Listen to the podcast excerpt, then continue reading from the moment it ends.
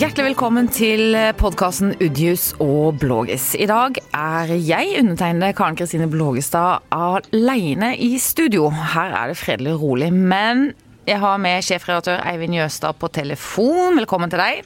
Takk for det.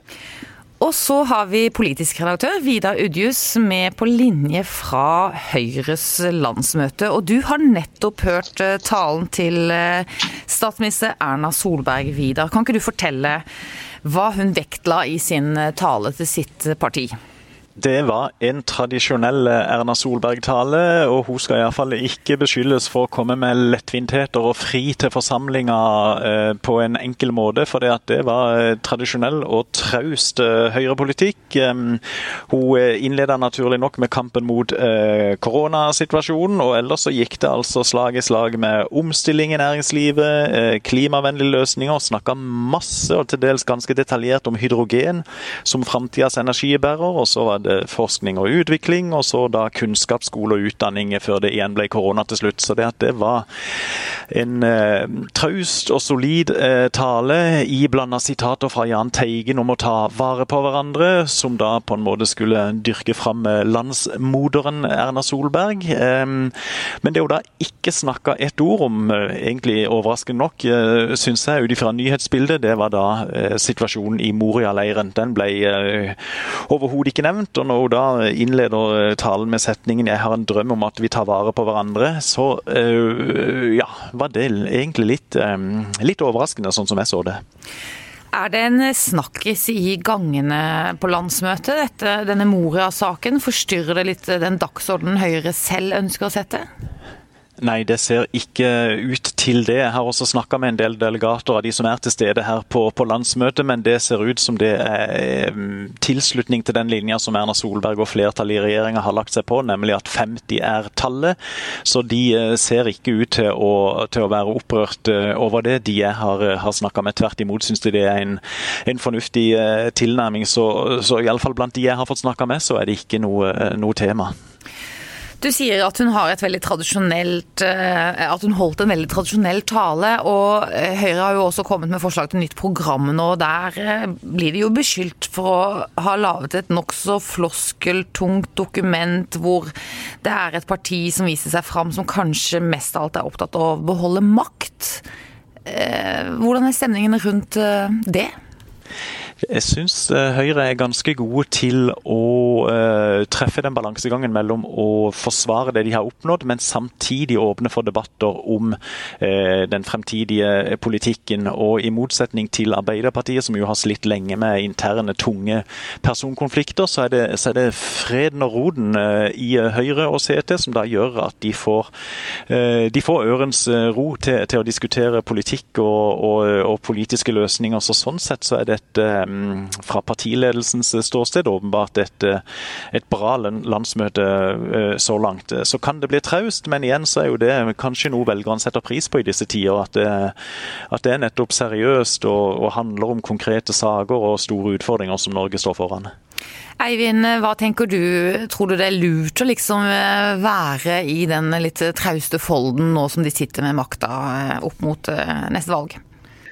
Ja, det tror jeg. og det var, Jeg fikk sett eh, starten på, på talen til Erna um, på nett, siden jeg ikke er der. Men, og det, det, slår meg jo for det første at Høyre er det er veldig stabilitet i ledelsen. Eh, Erna er liksom landsmoderen, en statsminister med enorm autoritet.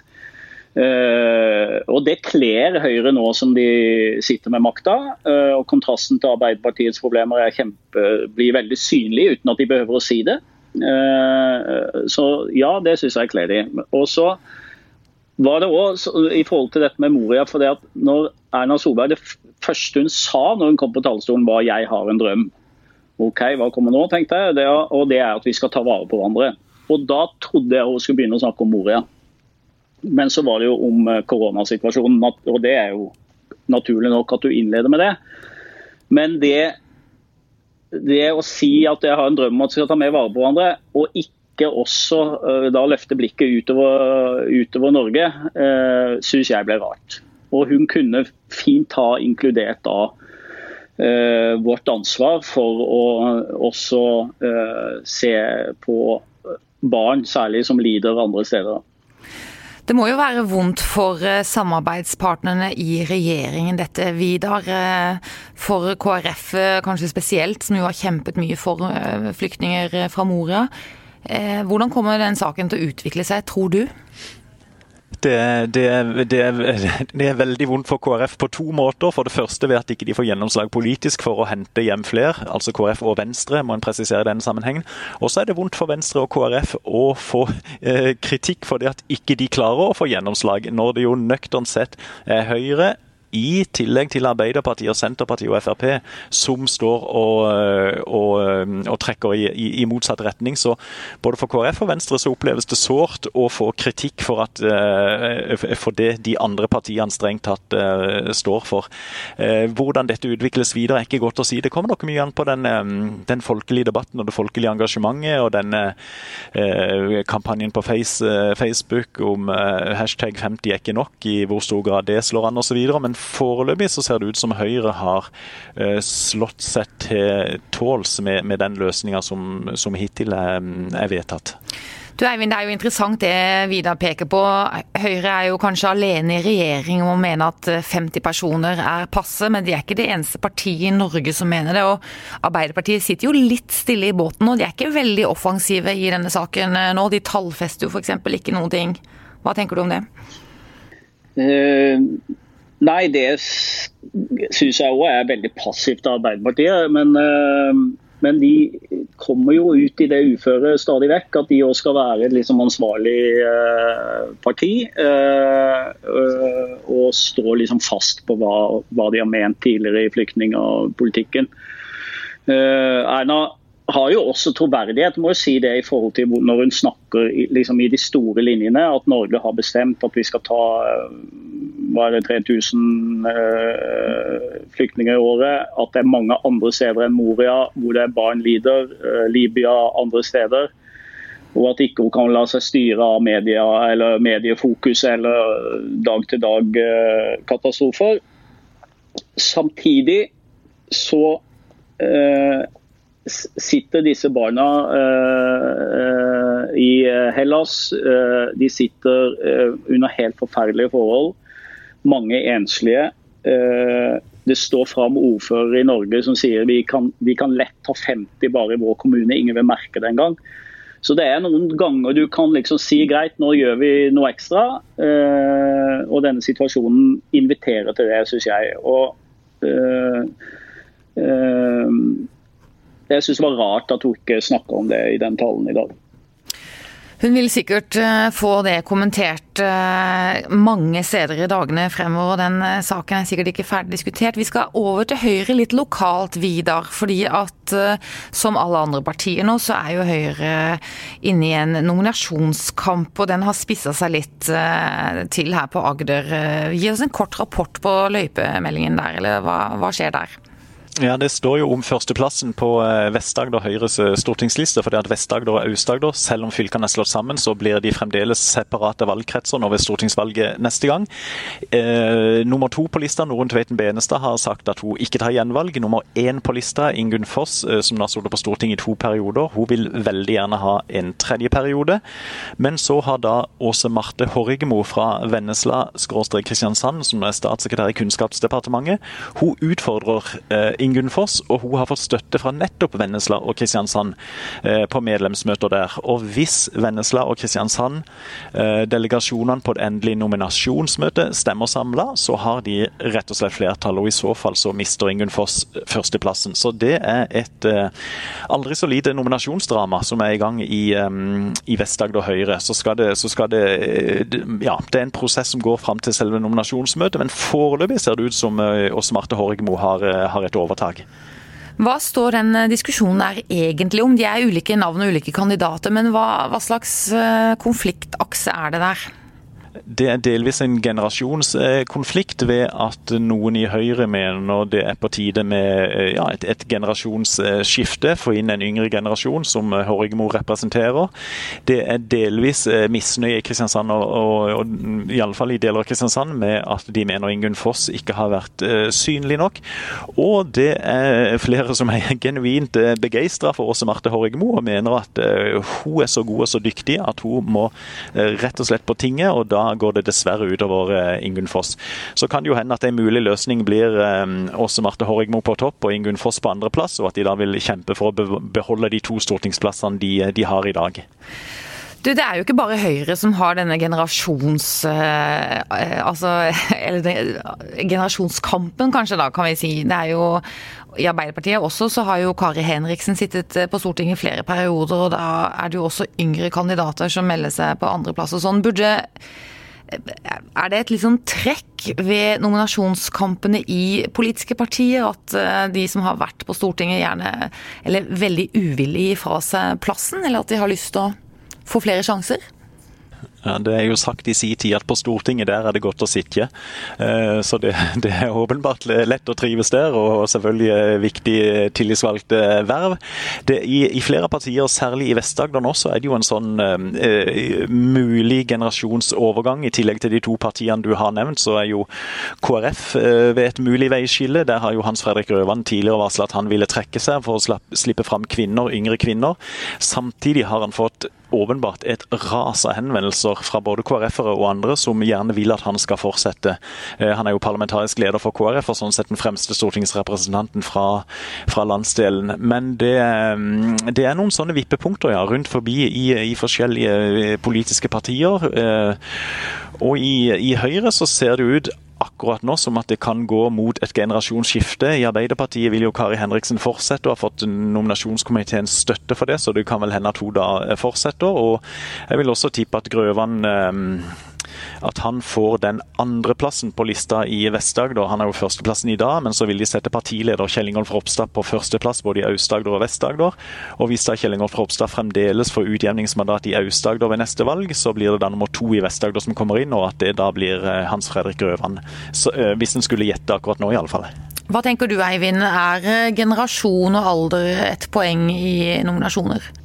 Absolutt. Gå litt tilbake til Erna Solberg igjen der, for Hun kommenterte jo da at de får et, et skifte i partiledelsen i uh, Høyre nå. og Da uh, begrunner hun det med at det er utrolig viktig å ha representanter fra ulike livsfaser. ikke sant? Som hun sa, det er lenge siden jeg har vært i småbarnsfasen, f.eks. Eh, man er opptatt av altså De tingene man er opptatt av, henger ofte sammen med hvilken generasjon man, og hvilken aldersgruppe man er. og Derfor er det viktig at politikken gjenspeiler det. og Derfor bør det være åpenbart at partiene har uh, spenn i aldre på de som både sitter i ledelsen og de som skal velges til Stortinget. Og det Man ofte, det, man ofte kommer i,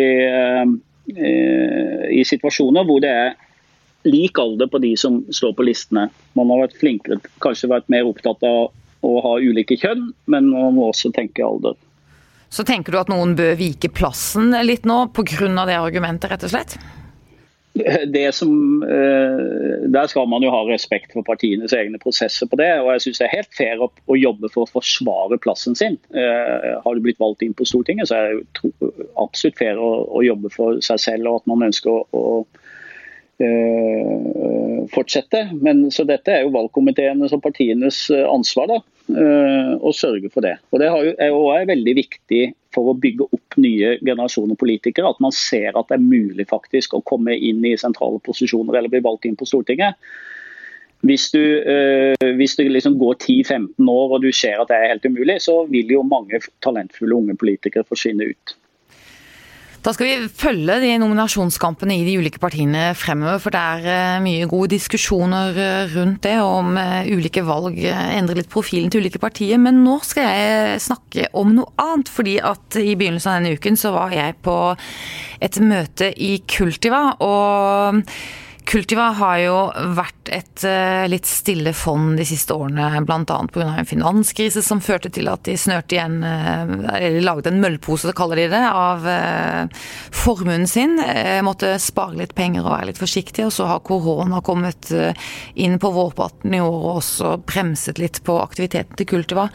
Men nå skal Kultiva lage en ny strategi for hvordan de skal dele ut penger framover. Det er ganske spennende. Fordi at Kultiva er jo altså så rike. De har eh, to milliarder på bok, og avkastningen av det det er det de kan dele ut uh, i Kristiansand. Det er enormt mye penger, uh, Eivind?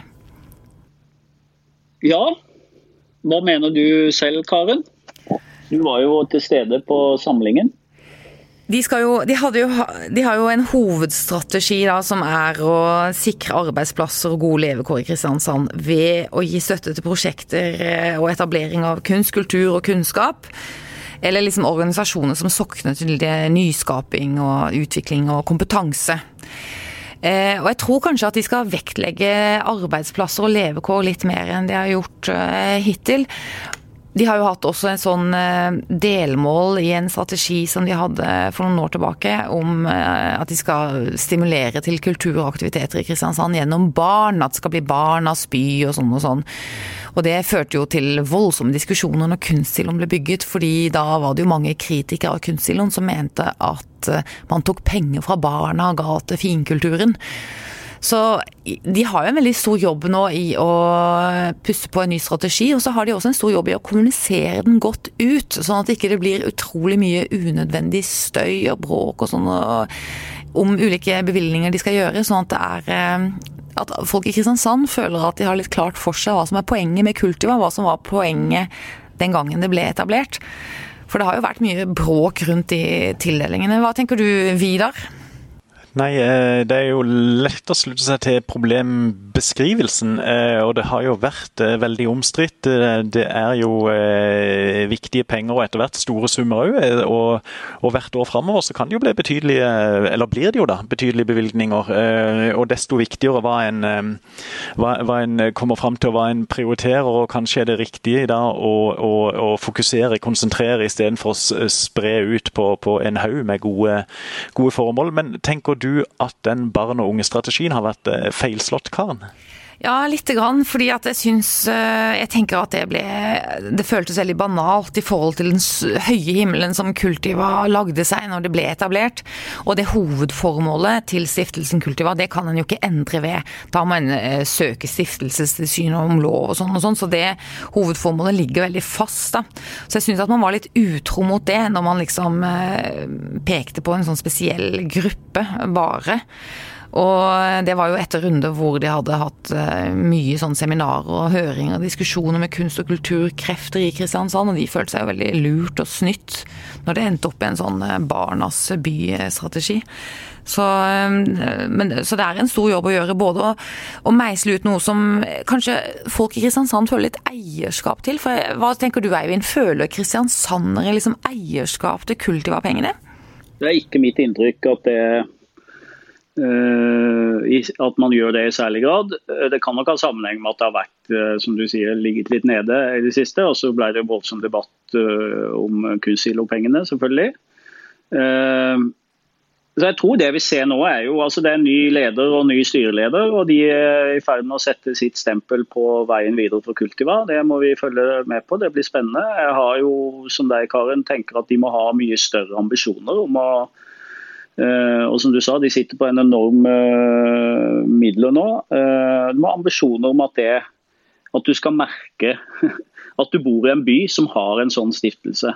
og det er befolkningens penger. Jeg tror Jeg syns personlig at å, å, å, dreie seg mer mot det som vel står i eh, stiftelsens eh, altså i, i, grunnlaget, at de skal jobbe, at de skal jobbe for arbeidsplasser innen kulturlivet, uh, er en bedre strategi enn den barnestrategien. hvordan de skal gjøre det, blir spennende å følge med på.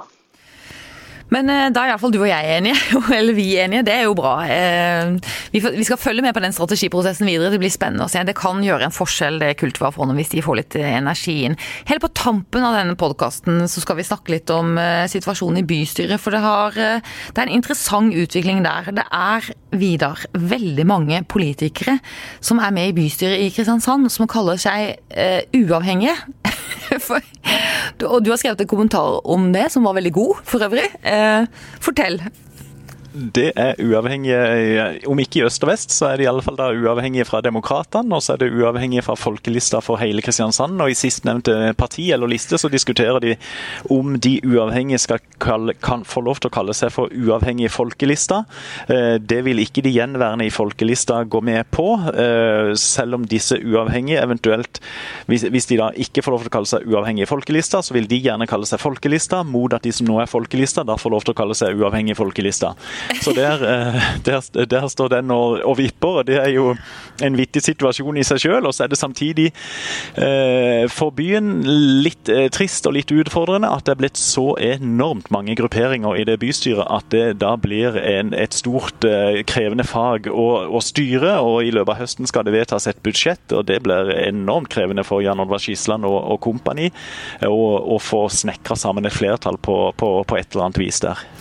Så denne navnestriden det er, altså Nå har jo kommunen undersøkt litt jussen rundt det og teknikalitetene rundt det, men de har vel gitt en beskjed om at dette får på en måte de uavhengige ordne opp i selv. De vil ikke blande seg noe videre i det. Er det riktig forstått?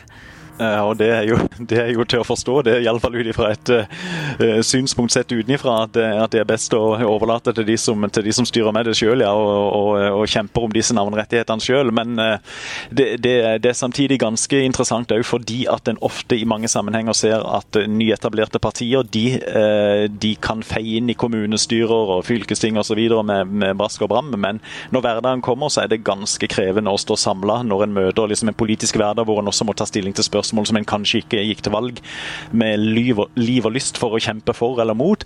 Eh, så det er, ja, det er krevende å, å starte opp eh, noe nytt og samtidig gi det eh, livskraft over, over lang tid. Og steg nummer én er i hvert fall å finne et navn da, kanskje, som man kan samle seg rundt. Så vi får se hvordan det ender. Hvem vi skal kalle uavhengige og ikke, og hvem som skal ha folkeliste og, og i hele Kristiansand osv. Det virker forvirrende, det er vanskelig å følge med. Vidar, du skal få lov til å gå tilbake til Høyres landsmøte. Og Eivind, du har hjemmekontor. Det skal du få lov til å fortsette med. Tusen takk for at dere deltok i podkasten nå.